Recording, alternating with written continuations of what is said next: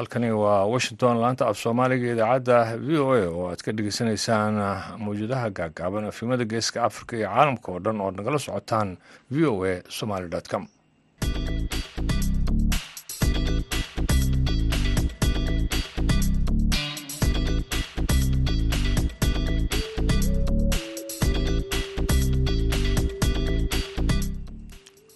dhegeystayaal duhur wanaagsan waa khamiis. Bisha novembarna waa lix iyo toban sanadka labada kun saddex iyo labaatanka. Afrikada barina saacaddu haatan waxa ay tilmaamaysaa dhegeystayaal kowdii iyo barkii duhurnimo. Waxaan idaacadda idiin soo jeedinaya anigu ibraahim xasan daandure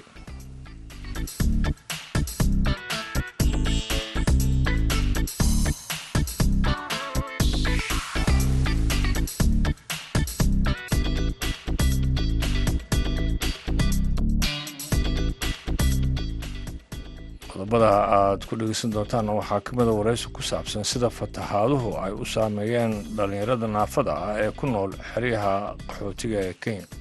Saamaynta nugu yeelatay waxaa ka mid ah aniga hadda waxaan ka mid ahay dhallinyarada ee mar walbaba inay shaqaystaan oo maaragtay suuqaas ay raadsadaan yacni isku taxallujiyayaan ka mid ahay. Muddo bil iyo xogay ah suuqa ma tegin waayo meelaan u marayo ma laha waxaan dareemi karaa marka qof kasta oo naafo ah ama aan shaqaysanaynin ama cid kor saarnaa ama keligiis guri ku noolaa haddee dhibaatada ku sugan yahay qof kasta oo caqliga wuu dareemi karaa. Waxaa kale aad dhegeysan doontaan warbixin ku saabsan tartan kubadda cagta ah oo loo qabtay dhallinyaro iyaga barakacayaal ah ee ku nool qardho heesiyan waan idinaynaa hase yeeshee waxaa ka soo horrayn doona warkii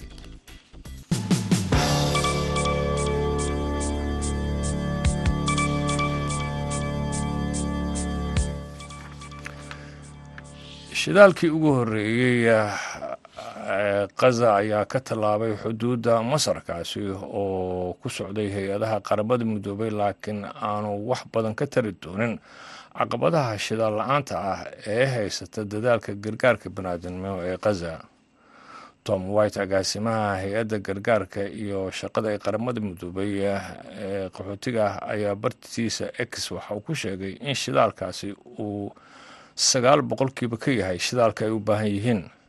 Gudoomiyaha guud ee hay'adda gargaarka qaxootiga falastiin ee u n r w a philip lazarine ayaa isna waxa uu sheegay in howlgalkooda oo dhan hadda uu qarka u saaran yahay inuu istaago isaga oo ku tilmaamay wax laga naxo in shidaalka loo adeegsado hub dagaal. Shaqaalaha gargaarka ayaa sheegay in shidaal la'aanta motoorada cusbitaalada soo saarka biyaha qaybinta gargaarkii iskaasiinta iyo sidoo kaleeto qaybinta saadka gargaarka ay gacan ka geysatay xaaladaha sii xumaanaya ee labo dhibic saddex milyan oo falastiiniina oo degan khaza hay'adda u s aid ee mareykanka ayaa qorsheynaysa in dib ay u bilowdo bixinta gargaarka cuntada ee malaayiin qof oo ku nool guud ahaan ethoobiya bisha disembar ee soo socota. Shan bilood kadib markii ay qaaday tallaabo aan caadi ahayn oo ay ku joojinaysay barnaamijkeeda dalkaasi oo markaasi la arkay musuq maasuq ballaaran oo ay sameeyeen saraakiisha maxalliga ah saraakiisha u s aid ayaa shalayto sharaxaad waxa ay ka bixiyeen dib habeyn ballaaran oo cusub oo lagu maareynayo cunada gargaarka ee la siiyo waddanka etoobiya si markaasi ay isugu dayaan inay ka hortagaan in dib ay u soo noqoto waxa ay ku sheegeen in laga yaabo inay tahay xatooyadii ugu weyneed ee cuno gargaar taariikhda. Afheenka hay'adda u s aid jessica jenning ayaa waxa ay sheegtay in tallaabooyin ka dhana xatooyada la tijaabin doono muddo hal sano ah iyadoo intaasina ku dartay in asal ahaan ay bedeli doonaan nidaamka cuntada ee etoobiya ayna gacan ka geysan doonaan xaqiijinta in gargaarka uu gaaro kuwa iyagu u baahan. Warkiina dhegeystayaal waa naga intaas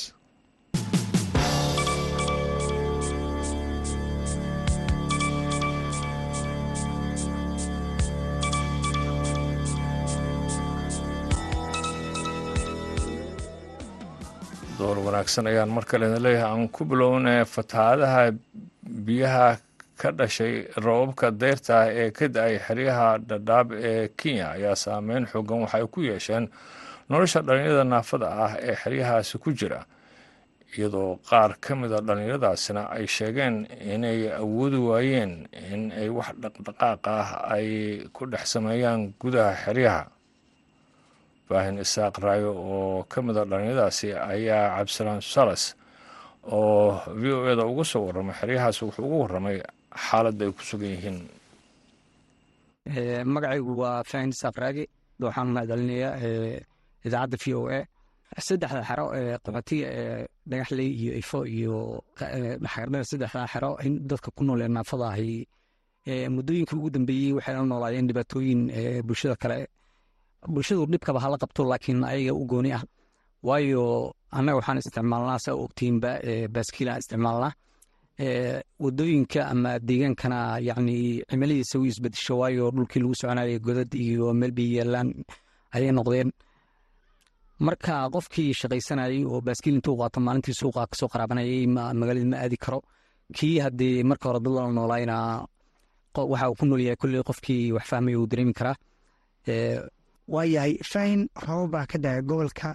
Xeryihii way kala xiran yihiin. Baraka xoogan ayaa jiro xeryaha gudahooda bal ka waran saameynta ay idinku yeelatay gaar ahaan dadkiina naafada ah.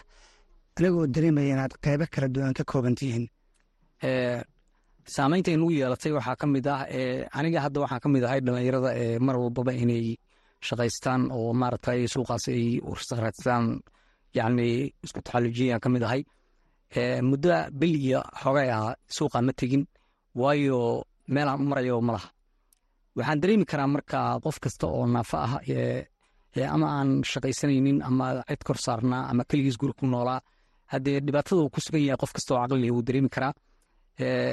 Waayo wadda aan marno ama haddaa qoda dhalinyaro intaad wadato xataa wada aad tiraadid oo aad magaaladii inaad gaarto aad isku taxallujiso dhibaato badan aad la soo kulantay noqonaya oo aad god ku dhacdo oo dhiiqadaas maaragtay ama baaskiil kaasoo banjaro ama kaasoo jabo mana jiraan hadda hay'ada maaragtay u dhun daloola in ay maaragtay dadka naafada ku sugan yihiin mar walba ay la socdaan. Waayahay bal ka waran dadka naafada aan baaskilada yeysan noloshooda siday tahay? Wallaahi sida aniga aan dareemayo dadka naafada oo baaskilada isticmaalaa aaday u badan yihiin hadda waxaan dhihi karaa boqolkiiba siddeetan baaskiil isticmaalaan dadka naafada. Baaskiil la bixiyana waqti hore oo fogaa noogu dambeysay. Qof asagu oo ama dad ehela ama dad dhallinyaraah oo ay baaskiil macnaha u soo raadiyeen ama ay u soo gadeen way jiraan. Laakiin hadda dad sida ugu badan hadda waxay u badan yihiin in baaskiilka wada hadalaabeen oo xafadaha wada yeelaan oo ay maanta cid intay xataa gaari intay u yeertaan maanta ay leeyihiin warkaale magaalada nageyn ma jiro waayo shidaalka wuu qaaloobay dhaqaale ay maanta ay meel ku gaaraan ma haystaan. Nolol adagay ku nool yihiin. Waxaad sawir ka bixisaa waddooyinka xeryaha ma yihiin kuwa u diyaarsan inaad baaskiladiinan ku gaxayn kartaan ama aad ku wadi kartaan? Wallaahi in muddahan waxaa isku taxallujinaynay in hay'adaha kala hadalno waddooyinka waayo wadooyinkii meel baawur lagu isticmaalay mooto lagu isticmaalay xoola maaragtay ay maraan ay noqdeen meel bay yeelaan iyo meel goda un bay noqotay. Marka welina ma aanan helin hay'ad maaragtay noos qaada ee barnaamijka inaan maaragtay waddooyinka laga qabto. Waxaa lagu jira xilligii raashinkaadka oo raashinkii ayaa qaxootiga la siinayaa. Qaabkeebaad marka fahnu raashinkii aad ku doonatay. Wallaahi aniga laba maalin iskaga daba laabanaya keer waayo maalin inta aniga waddada ku sii jirayaa la xiray oo xilli todoba saac ahaan tegey waa iska soo laabtay. Maalintii labaadna adigu xilli lixdii iyo weliba daqiiqadahan soo helay raashinkii. Marka dad naafa aniga dadka naafada sidaan aniga aaminsanahay dadka ugu firfircoonaan ka mid ahay oo inay meel walba macnaha noloshooda ay gasho ka raadiyaan danaynay jecelna inuu mar walba noloshiisa asaga u maareeyo. Laakiin dadka macnaha dadka la nool ama baaskiil aan haysanin wallahi sidii raashin ku qaataan way adagtaa xataa waxayna u badan yihiin sida ugu badan dadka naafada waxay u badan yihiin dad ama dad kor saaran ama koolo ah oo asagoo keligiis meel ku nool. Waa tahay marka aad sawirto dadka naafada ah ee dabcan qoysaskooda aan la nooleen ee koolayaasha ama kaararka qofka keliya leh garaamaadka ay helaan ma yahay mid ku filan? Sideeba kaar qaxooti laga bixiyaa in nolosha qofka biniaadanka ay maaragtay lagu maaray karo ma aaminsani. Waayo saddex kiilo ama afar kiilo oo raashina la siiyaa waxaa jirtay xili bambajo kuula la sii jiray oo sideed boqol sideed boqol iyo konton qofka kuulaa la sii jiray. Ayadina waa la jaray oo hadda afar boqolaa lagu soo aruuriyey saddexda kiilo waqti intee lag ayaa loo qorsheeyey qofkina ku noolaado. Muddo bil ah inuu ku noolaada loo qorsheeyey waayo laakiin kulley ma aqaano sababtaas inaan qof saddex kiilo ama afar kiilo raashina uusan bil ku noolaa karin. Hay'adaha ama dadka caqliga u saaxiibka way ogyihiin. Waxaan codsan lahaa dadka naafada in ilgooniya loo yeesho ama yacni dadka caadiga oo bulshada ha ahaadaan ama hay'ad ha ahaadaan in ilgooniya lagu fiiriyo dadka waxaa jira dad naafo ah oo mar walba ku dadaala inay shaqaystaan oo ay wax qabsadaan marka waxaan jeclaan lahaa in maaragtay hay'adaha xataa levelwood ka bixiya ay fursad siiyaan dadka naafada kaasina dhegeystayaal waxa uu ahaa faahin isaaq raage oo ka mid a dhalinyada naafada ah ee ku nool xeryaha qaxootiga ah ee dhadhaab ee dalkaasi kenya wuxuuna u warameeyey cabdisalaan salas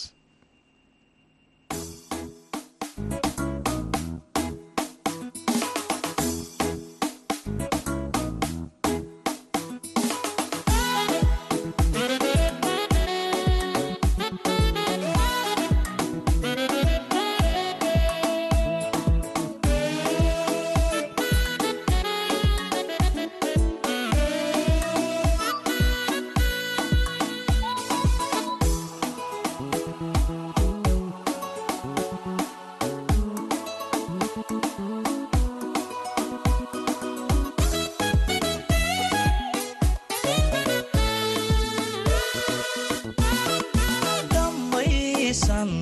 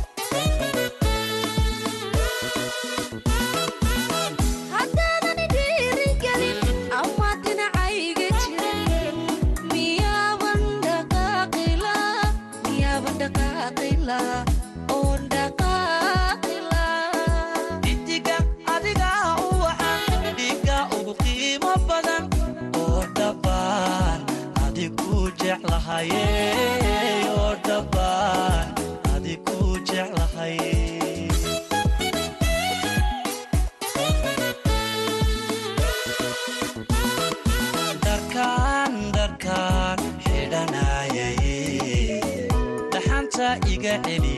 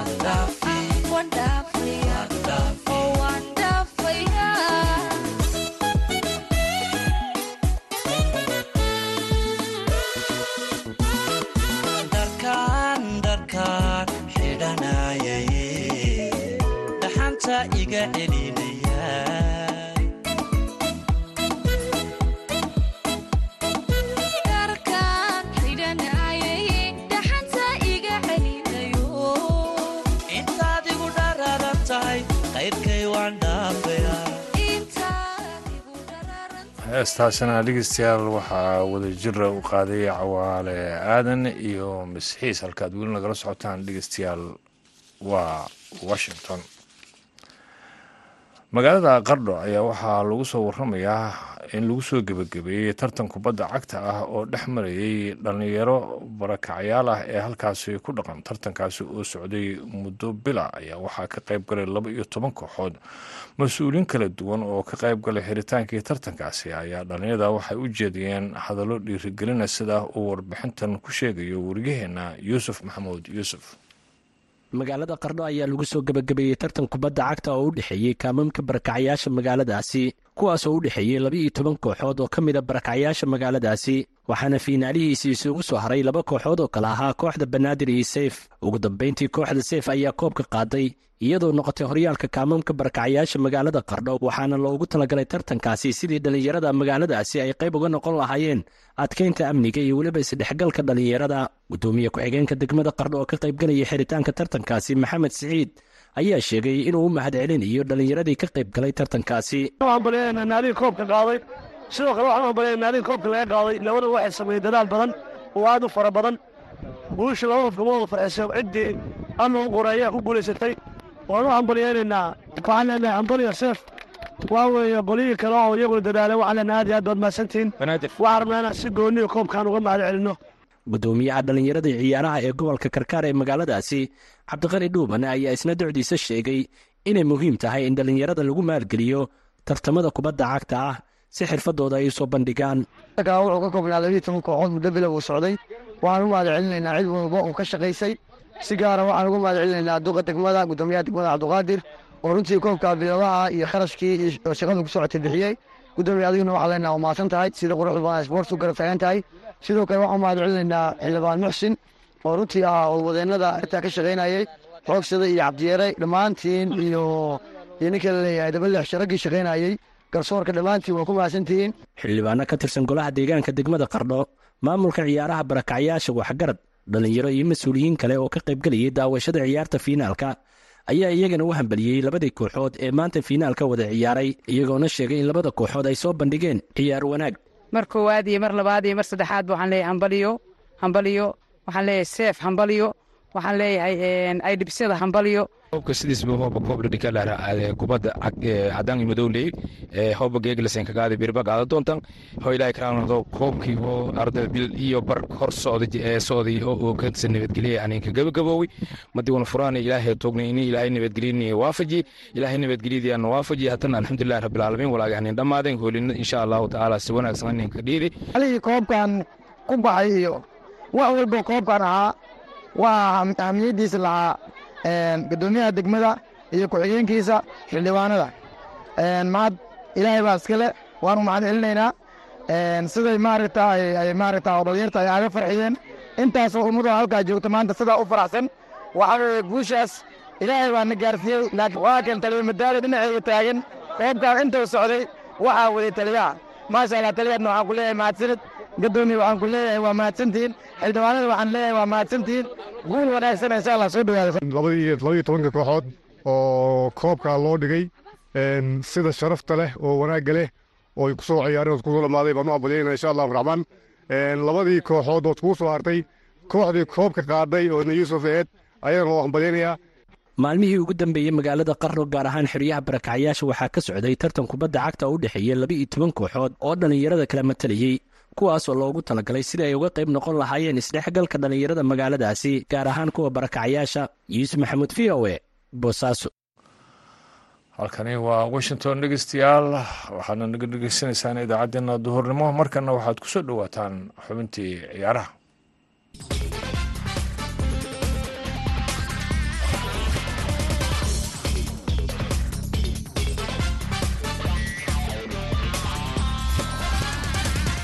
kulan wanaagsan dhegeystayaal dhammaantiinba kuna soo dhowaada xubinta ciyaaraha. Koobka e f l kaabka ee wadanka ingiriiska iyo habeenkii xalay ahaa kooxo waaweyn oo ka tirsan kuwa horyaalka wadanka ingiriisku ay fooda isdareen iyadoo kooxa magac lahaa ay tartanka ka hareen halka kuwo kalena ay weli wareega kale u sii socdaan. Kooxda kubadda cagta arsenaal ayaa gegida london stadium lagu dibriyey oo westham united ayaa saddex gool iyo hal ku dharbaxday kooxda kubadda cagta ee liverpool waxay laba gool iyo hal dirqi kaga soo adkaatay kooxda a f c banmouth chelsea. Blackborn oo ka tirsan kooxaha heerka labaad ee wadanka ingiriiska ayay laba gool iyo waxba ku martay kooxda banley oo ka mid ah kooxaha horyaalka wadanka ingiriiska islamarkaana guusha iyo iyaduba aanay is aqoonin ayaa mar kale habeenkii xalay ahaa laga guulaystay oo saddex gool iyo waxba ayaa lagu dharbaxay kooxda banley ayaa ka mid ah kooxaha ugu liita horyaalka wadanka ingiriiska inkastoo xilli ciyaareedkan ay ku soo biirtay ciyaaraha heerka koowaad oo ay ka timid heerka labaad laakiin uma muuqato koox la qabsatay horyaalka wadanka ingiriiska. Kooxda kubadda cagta ebswich town ayaa saddex gool iyo hal lagu dharbaaxay oo kooxda fulham ayaa ka guulaysatay hase ahaatee kulan si weyn isha loogu hayay ayaa dhex maray kooxaha kubadda cagta ee newcastle united iyo manchester united. Kooxda kubadda cagta ee newcastle united ayaana saddex gool iyo waxba ku dharbaaxday kooxda manchester united oo gurigeeda garoonka old trafford ku ciyaaraysay. Waa kulankii labaad oo xiriira oo manchester united saddex gool laga dhaliyo iyadoo aan wax goola ku jawaabin. Isugeyn laba kulan ayaa lix gool iyo waxba. Kooxda kubadda cagta ee manchester united lagu maray. Haddaba kooxda kubadda cagta ee manchester united guuldaradan soo gaartay. Ma suuro gelin kartaa macalinkooda tanhaag in shaqada laga eriyo? Cabdifitaax shabalaala oo ciyaaraha ka faallooda ayaa arintaasi falaqeynaya cabdifitaax manchester macalinkooda tanhaag kulankan guuldarada soo gaartay darteed shaqada ma laga eri karaa may markii la fiiriyo horta xaalad wuxuu ku jiraa waxaa la leeyahay shan iyo toban kulan ayay ciyaareen. Xilli ciyaareedkan manchester united sideed ayaa laga badiyey marka toddobo keliya ayay badiyeen iyo barajiska ugu jira. Marka xaalado waxay leeyihiin falanqeeyaasha lagu ceeliyo macalinka uu ku jiraa. Laakiin manchester united ma ahan aan lahay teams macalin u joogo sannadkii hore natiijadiisu ficneed in ay sanadkan wax ka yar kalabarka xilli ciyaareedka inay ku ceelinayaan marka sawirka kuma jirto asagana markii la wareystay wuxuu leeyahay isbedelaan sameynaynaa ciyaartooydana way daashay mas'uuliyad qof walba saaran waaye anigaana raaligelinaya laakiin waxaad moodaa in culeys badan hadda uu kaga imaanayo dhinaca taageerayaasha uu durbo qaarkood waxay bilaabeen macalinka inay ku uriyaan taa markii laga yimaado manchester united kulankan waxay ahayd in ay fariin dirto in aanay koox liidata ahayn maadaama kulan kale ay gurigeeda ku ciyaaraysay oo newcastle waxa dad badan ay rumaysnaayeen inay ugu yaraan natiijo ka heli karta. Maxaa ugu wacnaa marka guuldarada runtii waxay xaliyeen male ciyaartii hore iyo ciyaartaa way ka sii dareen. Waa runtaa in mascado inay jawaabaana laga sugaayay laakiin ma jawaabi karaan. Waxyaabo badan oo aasaas u ah ciyaarta ayaa ka dhunsan baaska wadajirkaa ka dhunsan raacashadaa ka dhunsan isdhibitaanka mas'uuliyad isisaaridda garoonka dhexdiisa shaksiga waa ka dhunsan yahay.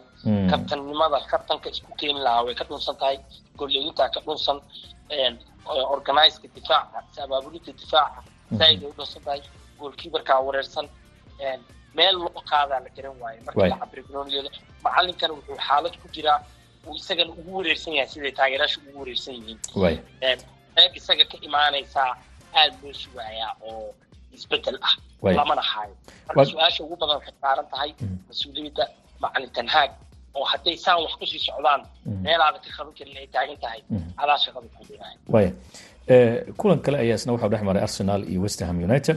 Waxaan ognahay arsenal toddobaadka soo aadan newcastle united ayay gurigeeda kula ciyaari doontaa macalin arteta ciyaartooy badan ayuu na siiyey sidoo kale macalinka newcastle ciyaartooy ayuu isaguna nasistay.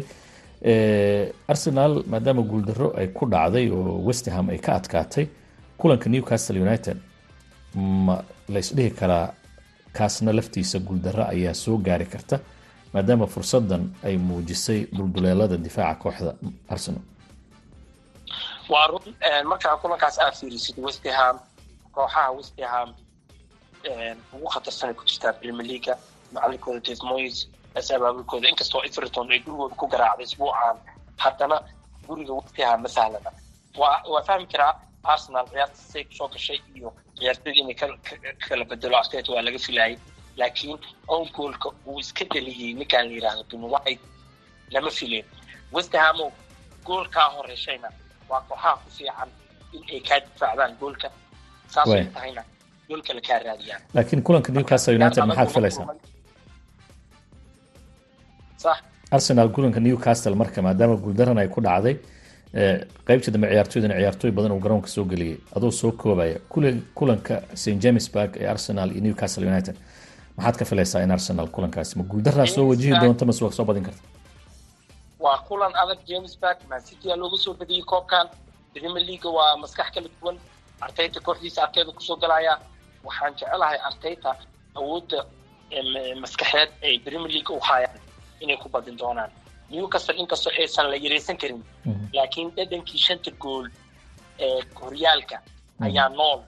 Marka saadaan lama dhiibi karo in ay arsenal laga badinaya aniga ahaan arsenal newcastle inta tagto in ay foomkeeda premier league ku soo ceshinayso eena iska iloobayso carabao cup wixii ku dhaca. Waayahay aad baad umahadsanta cabdifax shabalaala dhegeystayaal xubinteena ciyaara inta ay ku soo gabagabeynaya tan kulan dambe waa mascad dawda ku dhaafaya sidaa nabadgelyo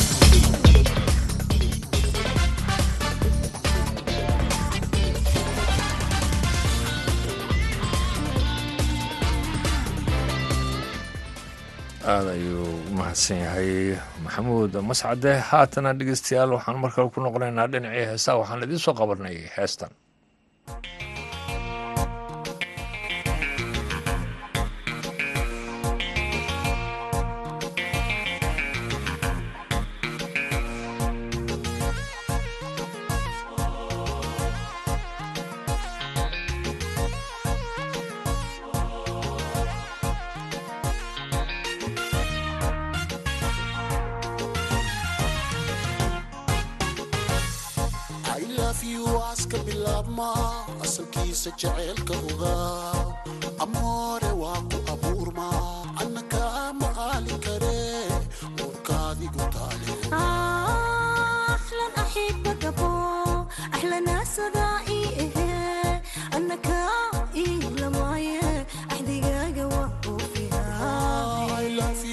aska bilaabma asalkiisa jaceylka ogaa amoore waa ku abuurma annaka ma aali kare taale ajaajina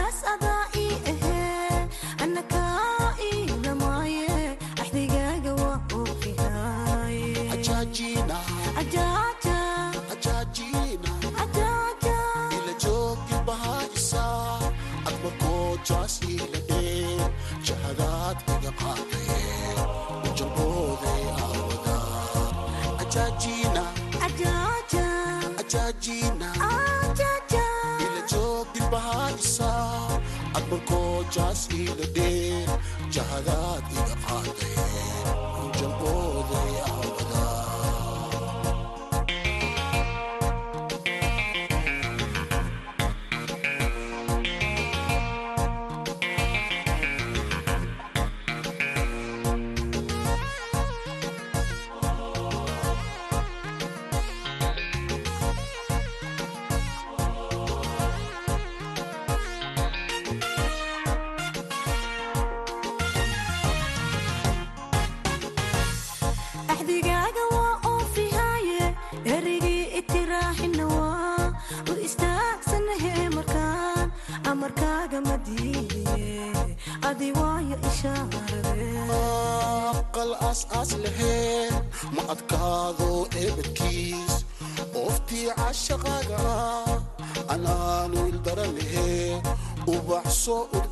iyo ufaroobaad ii tahee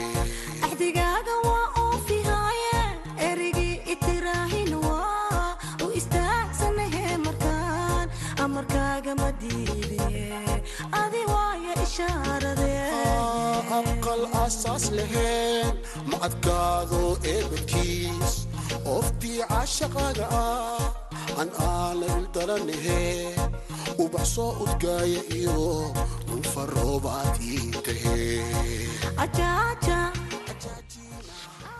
ubax soo udgaay iyo ufurabaad ii tahee ajaaja ajaajina waxaa heestaasi wadajir u qaadayay munya iyo xaawakiin waxaynu ugu dambeysay idaacaddeenii duhurnimo. Intaan mar kale wada kulmi doonno waa anigoo ibraahim xasan daanduriyo nabadgelyo